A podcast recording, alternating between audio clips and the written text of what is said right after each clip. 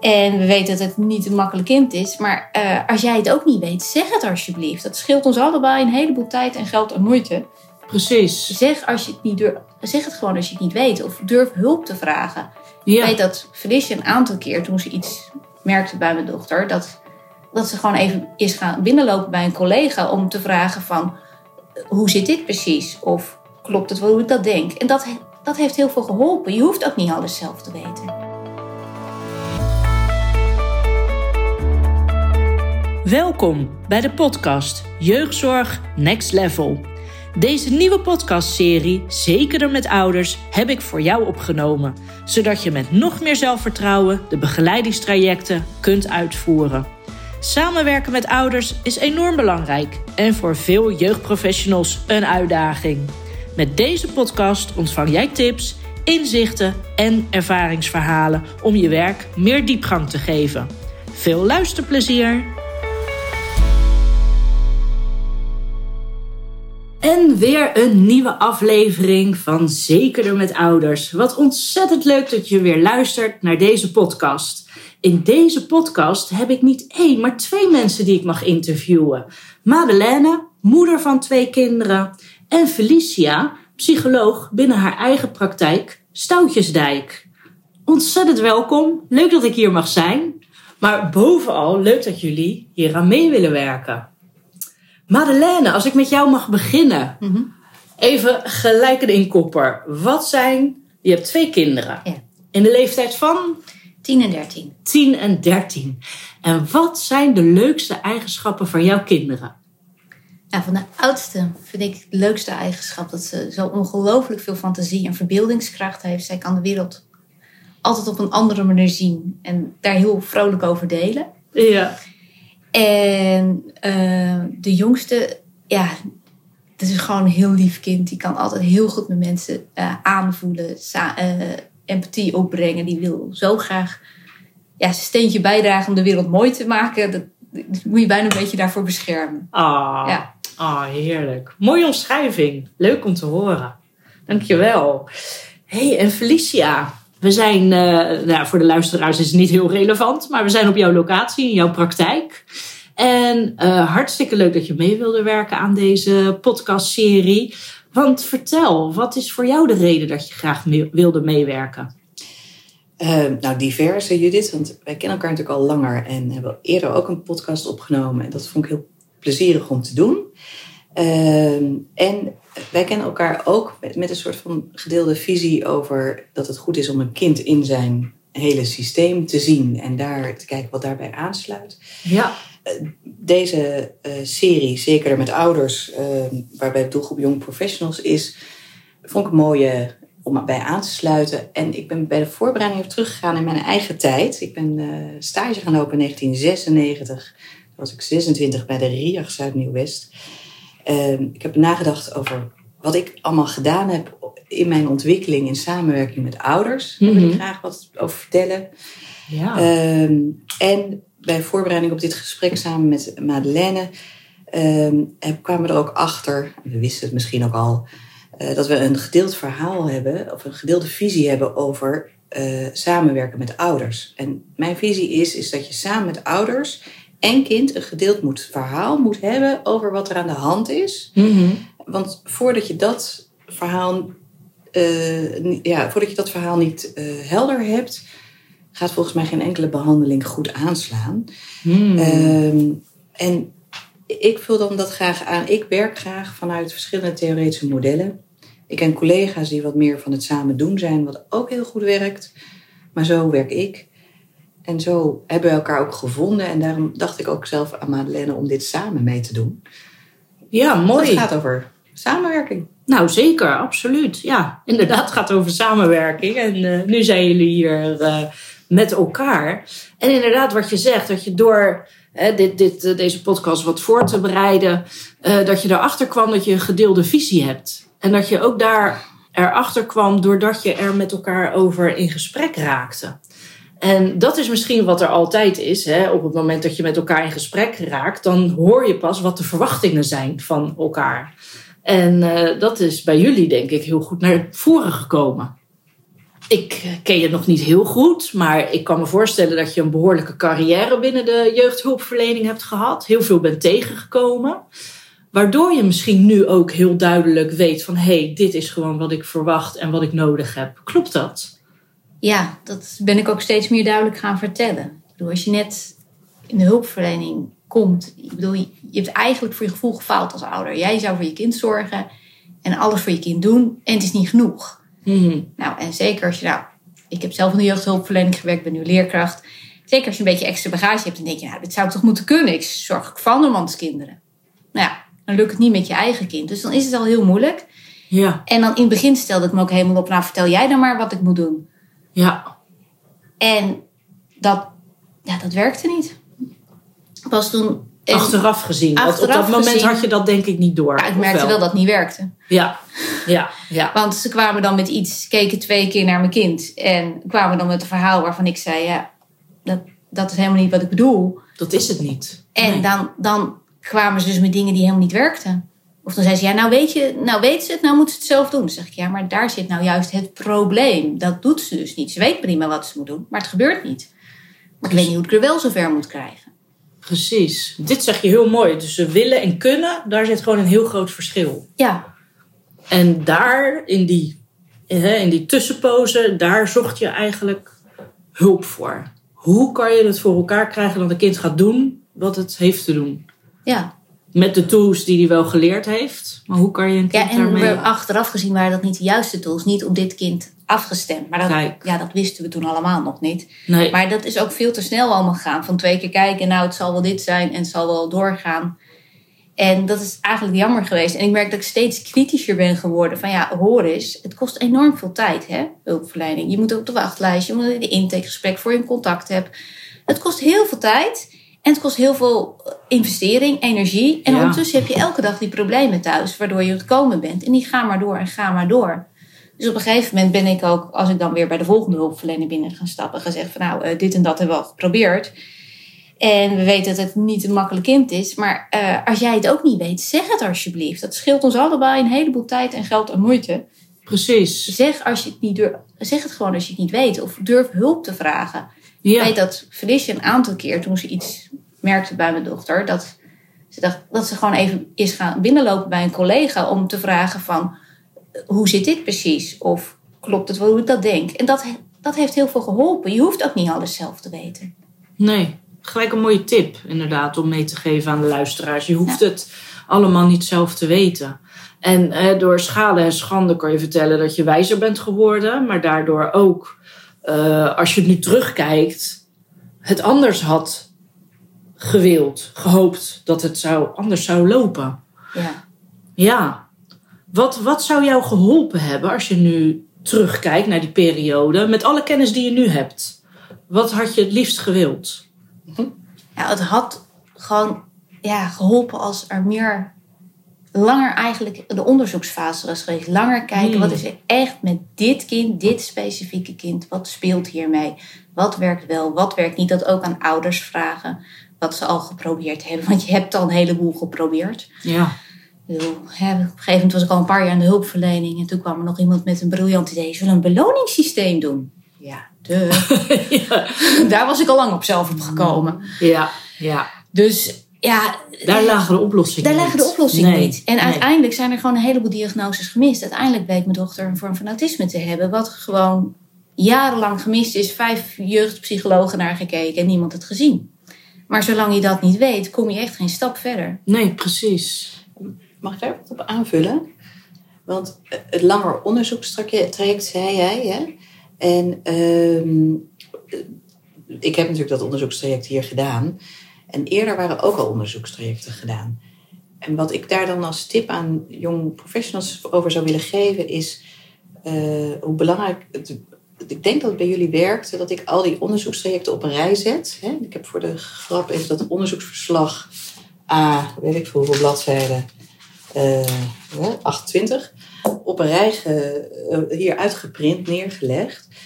Dan zet ik alles op een rij hè, van de goede dossieranalyse helpt om dan vervolgens met ouders samen te bekijken. Oké, bij organisatie die en die is dit en dit onderzoek uh, gedaan. Dit waren de onderzoeksvragen, dit was het resultaat. Dit was advies toen aan behandeling. Wat is daarmee gebeurd? En dan hoor je vanzelf wel wat daarvan werkte, wat daarvan niet werkte. Je krijgt een beetje een idee van, is het nou de manier van brengen geweest uh, van, hè, van mijn collega, wat niet aansloot, waardoor ze het advies niet hebben opgevolgd. Geldt niet voor jullie hoor, maar in, in het algemeen. Of uh, ja, ze hebben toen psycho-educatie ADHD gedaan. keurig, hè, want er is ADHD vastgesteld, dus dan geef je psycho-educatie. Maar het was niet voldoende. Nou, dat verwondert mij dan. Hè. Dan denk ik gewoon, waarom denk jij dat dat is? En dan krijg je vanzelf de vraag, dezelfde eh, opmerking. Uh, ja, maar ik, ik heb de hele tijd aangegeven dat er volgens mij meer is. Mm Nou, dan haal je dat, hele dossier, haal je dan... Oké, hier is dat gesteld, daar is dat gesteld, daar is dat gesteld. Dat was bij jullie, hè? Nog wel, nog wel wat. En het klopte nog niet helemaal. En dan denk ik, nou, als voor ouders de puzzel niet klopt, dan klopt die niet. Nee. Dan moeten we verder kijken. Precies. Dus wat dus je eigenlijk zegt is dat er he, beter dossieronderzoek ook gedaan, uh, of nou onderzoek. Uh, ja, beter weet, die... weet, ik niet. Maar ik vind een dossieronderzoek werkt, is gewoon, werkt heel goed, als je, zeker als je dat samen doet met ouders. Precies. Ja. Dat, ja. ja. En doorvragen. Doorvragen. Hoe komt het dat iets wel gewerkt heeft? Hoe komt het dat iets niet gewerkt heeft? Nou, mooie aanvulling. Ja. En daar, daarbij denk ik dan in dat begintraject zelf is een van die theoretische modelletjes waarvan ik graag werk, is. Ik heb hem hier getekend, maar dat kan je natuurlijk niet zien als je een podcast doet. Maar ik ga hem even vertellen.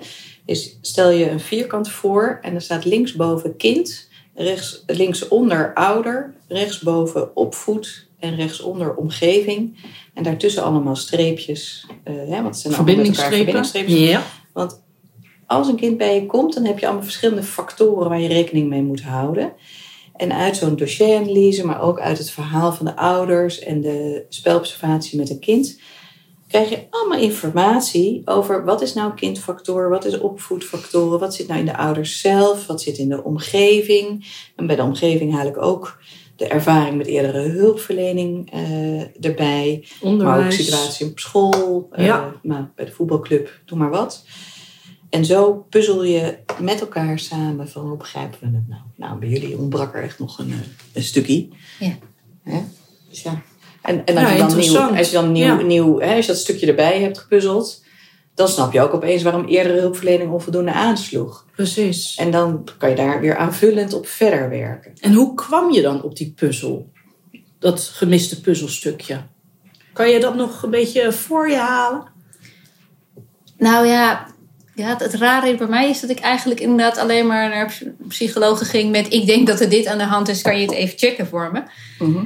Want eigenlijk had ik ze inderdaad al thuis er stukje bij beetje uitgehaald. Hmm. En ja, maar het lastige is inderdaad, denk ik, dat nog heel veel mensen toch vastzitten in, in, in een hokje van autisme ziet er zo uit. En dat blijkt dus veel meer verschijningsvormen te hebben. Dat wist ik zelf ook helemaal niet, ondanks mijn opleidingen. Daar ben ik pas later gaan inlezen en denk, wow, dit, dit kan ook allemaal op die manier. Het kan dus ook, maar ik was er zelf eigenlijk achter gekomen toen ik een paar dingen toch bij mijn dochter merkte, wacht even, dit loopt niet. En toen ben ik vragen gaan stellen, joh Iris, als, als de juf binnenkomt, zie jij dan wat verbuizen is? Nee. Oh, wauw, wat een goede vraag. Ja. Ja, als ze zo heel erg met haar wenkbrauwen fronst, dan zal ze wel boos zijn. Mm Ja. Interessant. En dat eigenlijk ze bij dieren meer op de gemak was dan bij mensen. Denk ik. Dat is er ook een hmm. eentje. Ook een kenmerk. Ja. ja, maar vervolgens is er denk ik twee jaar niks mee gebeurd. Hoewel ik het wel bij de hulpverlening heb aangegeven. Hmm. Ja, daar zouden ze nog wel eens naar kijken. Nee, ze voldeed net niet aan alle kenmerken. Ja, lastig. Dus je liep eigenlijk tegen de muur op. Terwijl je het puzzelstukje eigenlijk in handen had. Uh, misschien moeten we even iets vertellen van hoe de hulpverleningsgeschiedenis bij Iris. Dat je eigenlijk begonnen bent. Ja, dat is, ook wel fijn. Ja, misschien voor de helden. we zijn begonnen uh, eigenlijk niet met gedragsproblemen, maar met uh, niet zinnelijk kunnen worden. Hmm. En daar ben je, dan ga je eerst eigenlijk via het medische traject erin. En dan blijkt er medisch alles in orde te zijn. En dan ga je naar de psychologische kant toe. En uiteindelijk, na een aantal jaar merk je, ja, maar er, is eigenlijk wel meer aan de hand. Dus ook het, het, voor een deel komt het frustratie van het, van het hele gezin, van het niet zinnelijk kunnen worden, want dat geeft nogal frustratie bij zowel kind als bij ouders. Mhm. Maar gewoon dus meer aan de hand in haar gedrag. En, en, en ja, en zo is het steeds langzamer steeds meer geworden. En bepaalde dingen die heel erg aan de oppervlakte zagen, die, die, die kwamen er als eerste uit. Ik bedoel, Ja. is hoogbegaafd, dat was wel vrij snel duidelijk. Want ze heeft op de vierde leren lezen, ze, ze, ze kon van alles. Dat was heel duidelijk. En Ja. de ADHD, nou ja, dat stuitert vanzelf ook er wel uit. Dat zie je ook. Maar juist eigenlijk, dat autisme zat heel diep van binnen, waardoor ze heel veel verkeerde conclusies had getrokken, omdat ze het allemaal niet snapte hoe het werkte. Mm. En ze bedacht haar eigen dingen, want dat werkte op school ook, want dan kon ze zelf ook dingen bedenken. En dat werkte ook, want ja, het was daar veel te makkelijk voor haar. Dus toen bedacht ze dingen hoe de wereld in elkaar zat. En die klopte niet, maar dat was haar houvast. Ja. En Ja. dat is pas echt, nou ja, veel later is dat, heb ik dat uit elkaar kunnen puzzelen. Oh, wacht, dit was er aan de hand. Mm. Zo, maar dat is wel interessant. Want wat, wat was dan, even voor mijn beeldvorming, nog ehm, de reden dat je aan het zoeken was naar wat is er aan de hand? Hoe uitte zich dat nog? Had dat nog met die zindelijkheid te maken, dat ze nog niet zindelijk was? Voor een deel wel. Voor een deel en deel ook ja. dat, dat alle methodes waar ze mee kwamen niet werkten. En ehm, gewoon hoe verder, hoe, hoe ze met, ja, welke dingen ze lastig vond thuis, welke dingen wij moeite met haar hadden, de manier van contact maken. eh. Dat was allemaal dat ik zeg van ja, er is, er is nog iets. En de dingen werkten Hmm. niet. Ik bedoel, ik heb netjes, eh, ze ging naar een plusklas, ik heb haar uitdaging geboden. Dat hoogbegaafde, dat, daar praat ik goed met haar over. Dat ging allemaal goed. ADHD, zijn we ook goed mee aan de slag gegaan. Maar er, er bleef, het landde niet. Nee. Dus daarom hadden we echt zoiets, er zit nog meer. Ja, ja. Dat, eh, En wat heeft het je nu opgeleverd, nu je dat puzzelstukje compleet hebt? dat heeft echt zoveel verschil gemaakt. Ja. Dat heeft echt, ik, ik, ik snap hoe zij nu denkt. En niet altijd, want soms gaat ze ook nog te ver de bocht om. Maar dan kunnen we erover praten van, Iris, ik zie het zo, hoe zie jij dit? En dan komen we samen van, oh wacht, zo zit het. Oh, wauw. En we, ik snap nu hoe zij dingen heeft gedaan. En daardoor begrijp ik ook waar al de boosheid en alle woede en al dat gedoe vandaan kwam. En zij begrijpt nu ook dat dat niet was dat wij er aan het pesten waren of, of, of, of gemeen waren. Maar dat dat gewoon het, het anders lag dan ze dacht. Dat voelde zij zo in Ja. die periode. En- wat mooi dat je daar kan, over kan praten met Ja. elkaar. Dat is echt heel fijn. Ja. En, en ook gewoon hoe zij dingen wel kan leren. Dat inderdaad het gek genoeg niet genoeg is als je een lijstje maakt, maar dat er plaatjes bij moeten. En dat het dan wel kan. En op een gegeven moment die plaatjes ook weer weg mogen. Maar dat had ik nooit geweten zonder dat. Precies, je had die is- diagnose nodig om weer een soort nieuwe gebruiksaanwijzing te kunnen Die maken die voor jullie allebei werkt. En daarbij heel fijn, dat is eigenlijk nog voor dat ze bij Felicia in behandeling kwam, was ja, wachtlijsten zijn helaas. Daar komen we voorlopig niet vanaf in de jeugdhulpverlening. Die zijn er. Maar dat is gewoon heel lastig voor ouders. Want je hebt net weer iemand gevonden waarvan je denkt, nou, vooruit dan. En dan moet je heel lang wachten. En dan moet je nog eens kijken, werkt dit inderdaad? Past dit inderdaad? En ondertussen zit je maar, ja, niks. Ja. Terwijl het eigenlijk de nood heel hoog is. Want je gaat niet zomaar. Ja, en toen in het begin heeft eh Felicia een online gesprek gehad. Toen zaten we nog midden in de coronaperiode. Met gewoon eventjes praten van wat is er dan, wat denk je dan? Wat, en gewoon een, lijstje tips gegeven. Kijk hier eens naar. Ik weet ook niet of het wat is, maar kijk eens. Nou ja, en één daarvan was eh, de methode Geef me vijf. Waar heel duidelijk uitgelegd staat wat autisme is. En ook wat je ermee kan doen. En nou, dat heeft voor zo'n verandering thuisgezorgd nog voor we begonnen.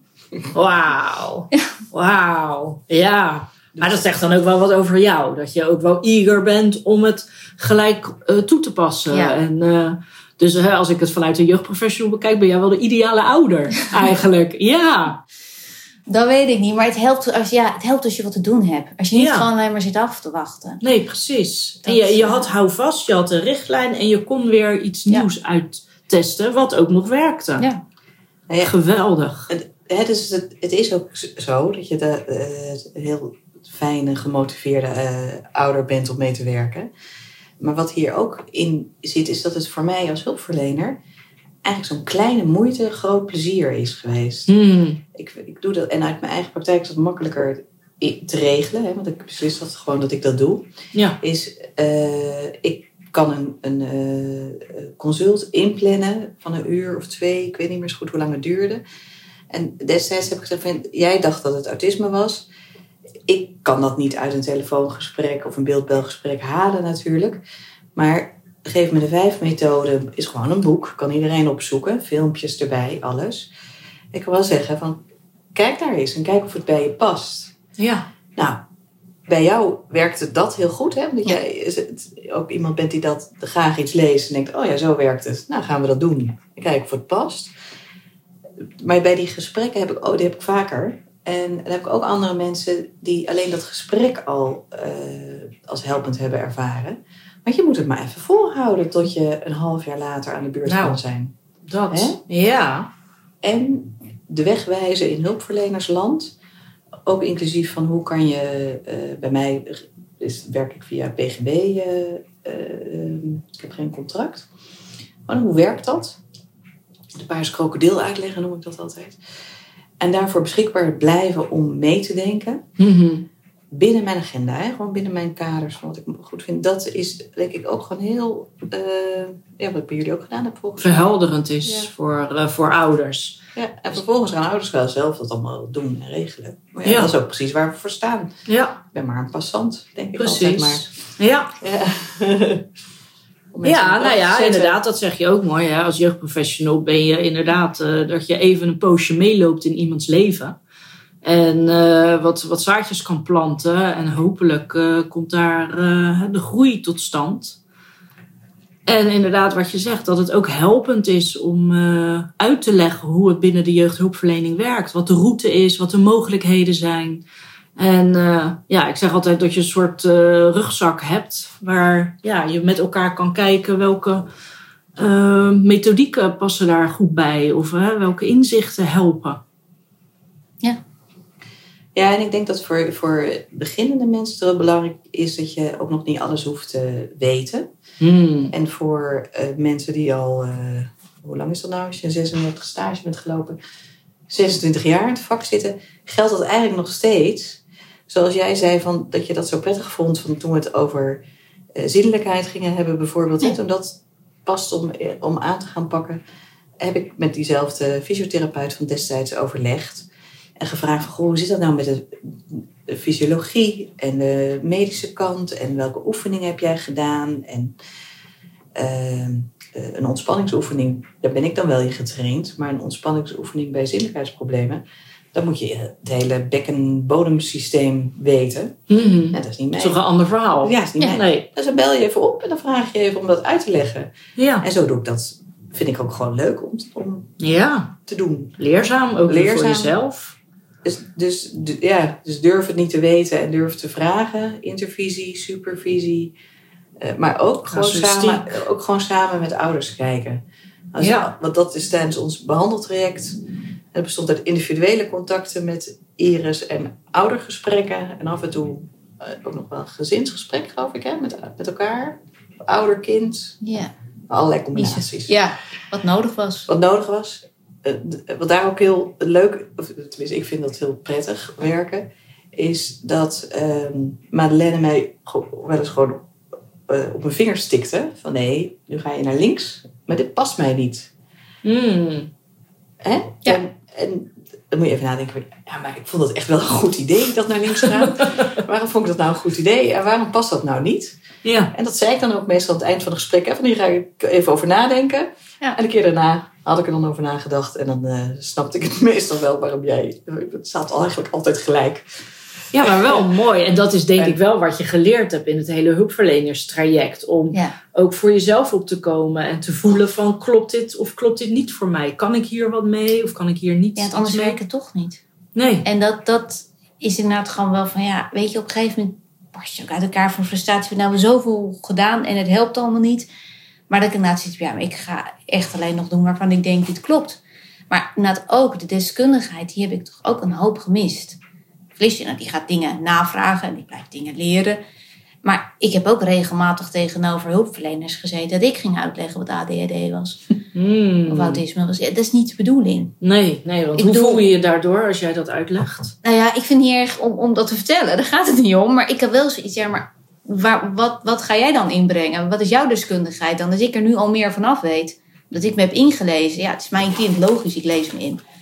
Maar ik denk, ja, dat kan, kan jij ook doen als je een, een kind krijgt wat niet Precies. binnen je normale deskundigheid was. Blijf alsjeblieft leren. En er blijven ook steeds nieuwe dingen ontdekt worden. Hmm, Dus blijf je ontwikkelen. Want dat, ja, dat is wel wat je inbrengt, je deskundigheid. precies. En als die er niet is, dan heb ik zoiets nou, dan, ja, wat doen we dan hier nog? Ja.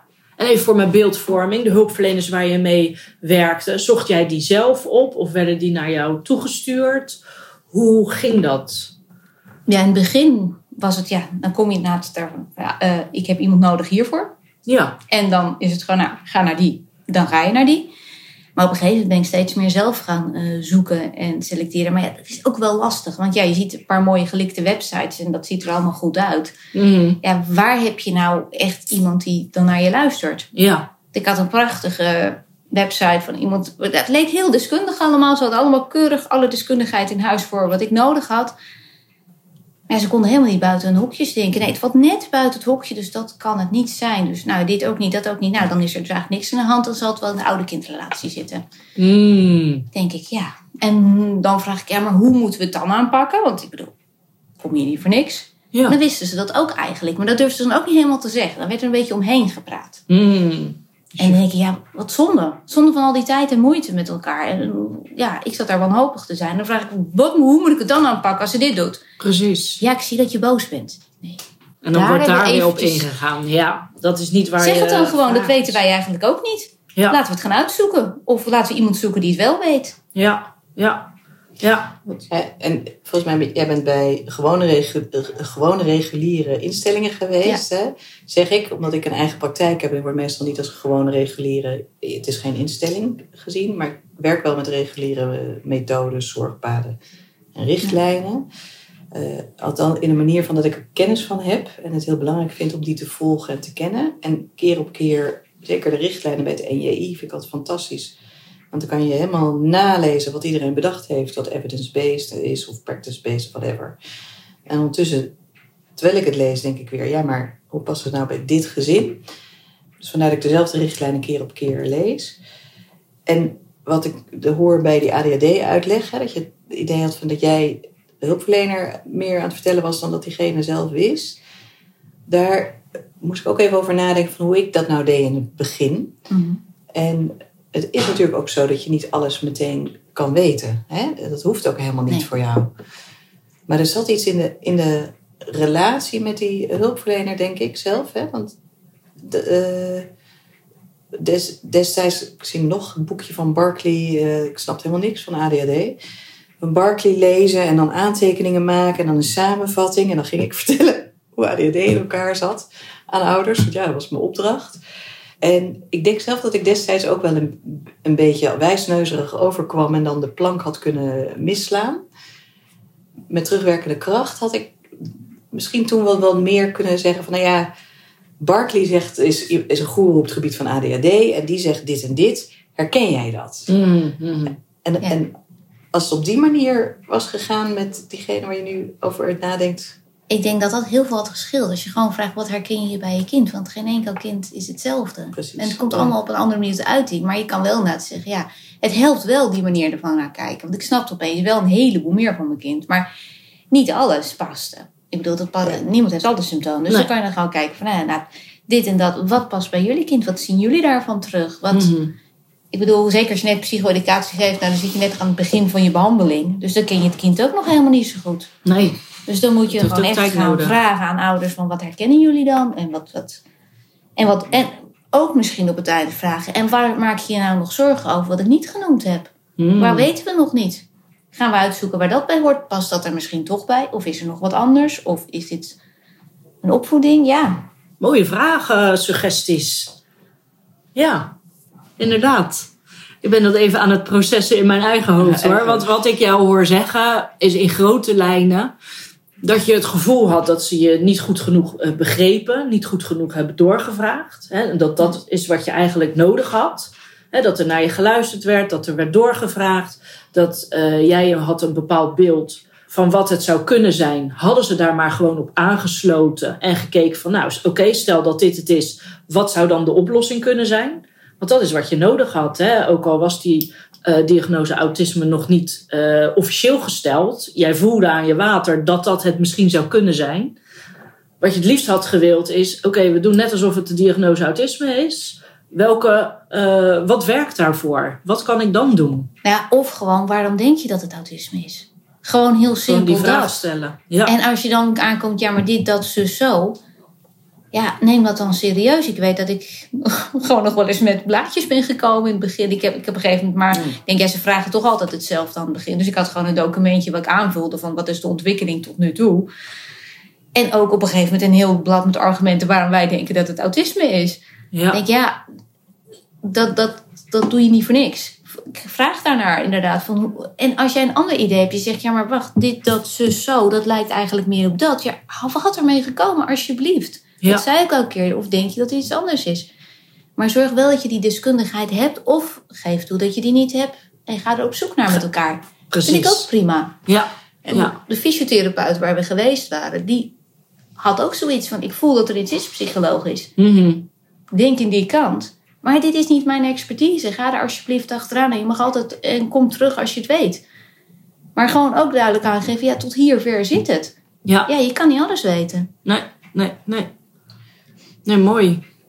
Ik en verder inderdaad, zorg dat je ook weet wat er aan te doen valt. Want het is natuurlijk heel leuk als je weet wat er aan de hand is. Maar daarna wil je de hand vatten: wat moet ik gaan doen? En dat bij elke hulpverlener op tafel gelegd. Ja, maar hoe moet ik dit dan oplossen? Kom op, Precies. situatie A, dit gebeurt er. Vertel me dan, wat moet ik dan doen? Want het werkt niet wat ik doe. Maar daar kwam eigenlijk nooit een duidelijk antwoord op. En dat is echt... Maar nu weet ik En heeft weet met leeftijd te maken? Heeft dit met leeftijd te maken? Eh, ja, de hulpverleners die jij tegenkwam. Nee, Waren het jonge hulpverleners of waren het ook wel mensen die al wat langer in het werkveld zaten? allebei gehad. En dat Allebei. maakte niet uit. Dat maakte niks uit. Ik, we Nee. hebben iemand eh, nou, die wat minder direct behandeld, maar via de gemeente meedacht van eh, welke hulpverlening past bij jou. Dat was een jonge meid van in de twintig.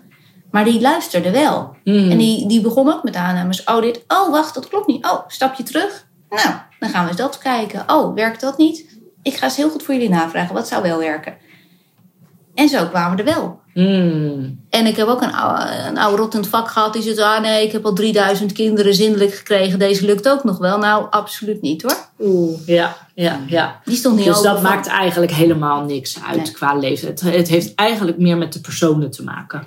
je instelling. Je instelling, ja, precies. ik bedoel, hè, je persoon moet je juist meenemen. Je, je bent wie je bent. Mhm. Heel goed. Maar sta open voor het verhaal van de ouders. Sta open dat je nog niet alles hoeft te weten. Maar ga wel proberen om er te weten te komen. En blijf, blijf bijscholen. Niet Ja. achterover gaan zitten, ik weet het nou. Er is altijd meer te leren. Zeker. Ja, mooi. Ik- Felicia, ik, je weet- wilde ik, aanvullen. weet weer wat ik wilde zeggen. Want je, het, jij begon over de aanpak, hè? Van dat is waar je naar op zoek was.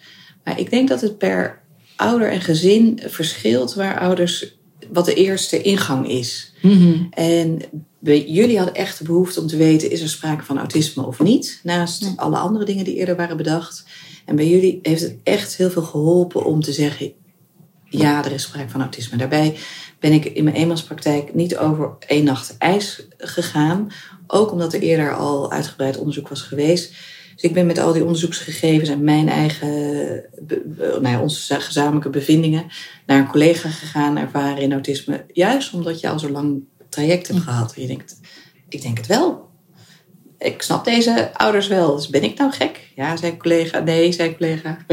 en ja, nee, dat is een grapje. Ja, ja, ja. Maar nee, zei collega. En toen, nou, toen kon ik goed onderbouwd zeggen, dit vinden we wel. Ja. Ehm, er zijn ook ouders die inderdaad, waar de klassificatie er niet zo toe doet, die echt meer zitten te springen om eh, de aan- aanpak bij kinderen met kenmerken van autisme is dus en zo. Dus zullen we eens kijken of dat past. Mhm. Misschien had dat bij jullie ook. Al, eh, nou, dat is eigenlijk dat voorgesprek. Ja, Hè, toen wist ik het nog niet. We gaan eens kijken of dat past. Maar hè, dat, voor sommige mensen is dat ook al voldoende, maar bij jullie was dat niet. Ja, gewoon samen zoeken wat kijkt, wat past. Precies. En, ja. en tijdens de behandeling ook nog transparant zijn over waarom neem je welke stap. Mhm. En dat is, als je net begint, een beetje moeilijk. Eh, soms doe je wat en bedenk je achteraf welk theoretisch kader daarbij past. Hè, of dat haal je uit je werkbegeleiding. Ehm, maar wat maakt dat nou uit? Of je het zo liepen ook wel eens vast in een gesprek. En dan ging ik even over nadenken waarom ik naar links wilde. En dan ging ik het een keer erop zeggen. En dan, als, als zich erin kon vinden, dan zei ze: Oh, oké, nou, dan gingen we naar links. Als ik het niet in kon vinden, had zij gewoon gelijk. Want het is haar kind en haar gezin. Zij ziet, ziet eh, Iris 24-7, ik niet. Prachtig, ja. Ja. Inderdaad. Ja. Oh. Dat is wel de strekking wat ik hier uithaal. Eh, uit dit, eh, dit gesprek. Dat het eh super belangrijk is dat er eh, eh, aan wordt gesloten bij waar jij op dat moment, hè, als we het over jouw situatie hebben, in zit. En Ja. dat je van daaruit meegenomen wordt naar oplossingen. Want die oplossingen die zag jij niet, maar je wist dat er wel oplossingen waren. Dat Alleen- hoopte ik in ieder geval wel heel Ja, hard op. precies. Ja, Er waren momenten dat ik ook dacht van dit krijgen we nooit meer goed. Maar Nee. En toch heb je altijd doorgezet. Hè? Wat heeft er nou bij jou Hmm. voor gezorgd dat jij doorzette? ja, het ging om mijn kind. Gewoon heel simpel dat. Hoe moeilijk het ook was, dan was het een, hoe lastig het was elke keer weer je verhaal te doen. En weer ja, toch maar te hopen dat, dat er nu wel iemand was die wat mee kon denken. Gewoon toch ademhalen en doorgaan. Want ja, je ziet je kind ongelukkig zijn. Je merkt zelf, we worden met z'n allen, het hele gezin wordt hier ongelukkig van. We missen wat we wel moeten hebben, die band. Ja, dat, dan kan ik niet achterover gaan zitten. Dan gaan we door. Ja, knap hoor. En wat, wat waren jouw oplaadpunten? Want ik kwam ook zo voorstellen dat je denkt van... Ah, ik zie het allemaal niet meer zitten en ik weet het niet meer. Maar je hebt ook doorgezet. Dus er zit zo'n ontzettende kracht in jou. Waar haalde jij jouw eh, energie weer vandaan? Ja, dat weet ik zelf ook niet altijd meer. Maar het is voornamelijk inderdaad toch denk ik... Ja, wat eigenlijk mijn basiskracht was gewoon heel simpel. Dit is, dit is voor mijn kind. Dit kan ik niet opgeven. Mm. Hoe moe ik ook ben. Hoe zat ik het ook ben. Ik, ik kan niet zeggen van nou ja, dan maar niet. Dan is dit mi- mislukt. Het is mijn kind. Kom op. Ja, Dus dat hielp. En verder merk ik wel van ja, het helpt gewoon als je toch, hoe moeilijk het is, een paar momentjes afsnoept voor gewoon op tijd naar bed gaan, gezond eten, eh, sporten. Dan helpt in ieder geval dat je het fysiek volhoudt. En het is heel fijn als er ja, mensen zijn om naar, die naar je luisteren. Maar het is ook wel lastig, omdat het zo vaak afwijkt van wat gebruikelijk is. Dat Ja. andere mensen het moeilijk snappen. Mm. Ja. Soms doet het wel echte waardeltjes. Die denken, oh, die luisterde of die zei het ook gewoon van ja, ik zie het niet, want als ik op bezoek kom, dan doet ze gewoon. ja, Maar ik geloof je. ja. Dat, dat hielp wel heel erg. Ah, fijn. Gelukkig. Ja. En, en belang van zelfzorg, hè, wat je net zei. Ja. Die combinatie. Ja. Ja. Ja, dat dat zo super, super belangrijk is. Ja, ja mooi hoor. Hey, en als afsluiter. Je hebt al eh, door het hele gesprek door best wel veel tips ver- verteld. En ook waar je behoefte aan hebt. Is er nog iets waar je heel graag mee zou willen afsluiten? Voor de jeugdprofessionals, de luisteraars. Nou ja, wat ik ook heel fijn vond bij Felicia soms is dat ze wat van zichzelf liet zien. En haar Hmm. eigen situaties. En nou, dat ze nu inderdaad ook ouder is. Maar dat hoeft niet per se als ouderervaring te zijn. Maar het helpt als je een kind hebt met gedragsproblemen. Je bent op een gegeven moment helemaal kwijt wat normaal is. Hmm. Dus elke ruzie denk je, er is weer wat, weet je, ik heb het niet goed aangepakt. Of is het een symptoom of, of weet ik het wat. En ik had er heel veel aan gewoon toen nou ja, de tweede keer dat de scholen dichtgingen. En we opeens hup weer kinderen achter online onderwijs moesten zetten. Dat het niet helemaal lekker ging. Dat Felicia zei ook van ja, ik had ook vanochtend een keer ruzie met mijn kind. De, ja, opeens een nieuwe andere situatie. Ik denk, ja, ook, wacht even, dat is gewoon normaal. Ja, Dan, oh ja, dank je. Want dat vergeet je gewoon. Je vergeet hoe het is om een normaal gezin te zijn. Want dat ja, heb je gewoon veel te weinig kunnen ervaren. Oh, een mooie aanvulling, ja. Eigenlijk zeg je het hele van verhalen, hè, of een stukje persoonlijke ervaring. Dat helpt ook. Ja, maar je kan ook, als je dat als hulpverlener zegt, dat je zegt, ja, ik hoor dit van een heleboel ouders. Dan mag je ook zeggen, ik bedoel, dat, dat helpt ook. Dat je gewoon weet, oh wacht, dit is gewoon, ik hoef me hier niet zo'n zorgen over te maken. Nee. Dit, is, dit valt binnen het normale. Ja. Ah, prachtig. Dankjewel. Mooie. Felicia, heb jij nog iets als afsluiter die je graag, wat je graag aan de luisteraars wilt meegeven? Eh, ik hoop dat eh young professionals ehm, steeds bij zichzelf te raden gaan van waar word ik nou blij van in mijn werk. En dat ze van daaruit de samenwerking met ouderen en kinderen aan blijven gaan en samenkomen tot een gedeeld verhaal over hun kind en over wat er aan de hand is en welke behandeling daar het beste bij past. Wauw. Ja. Nou, mooi.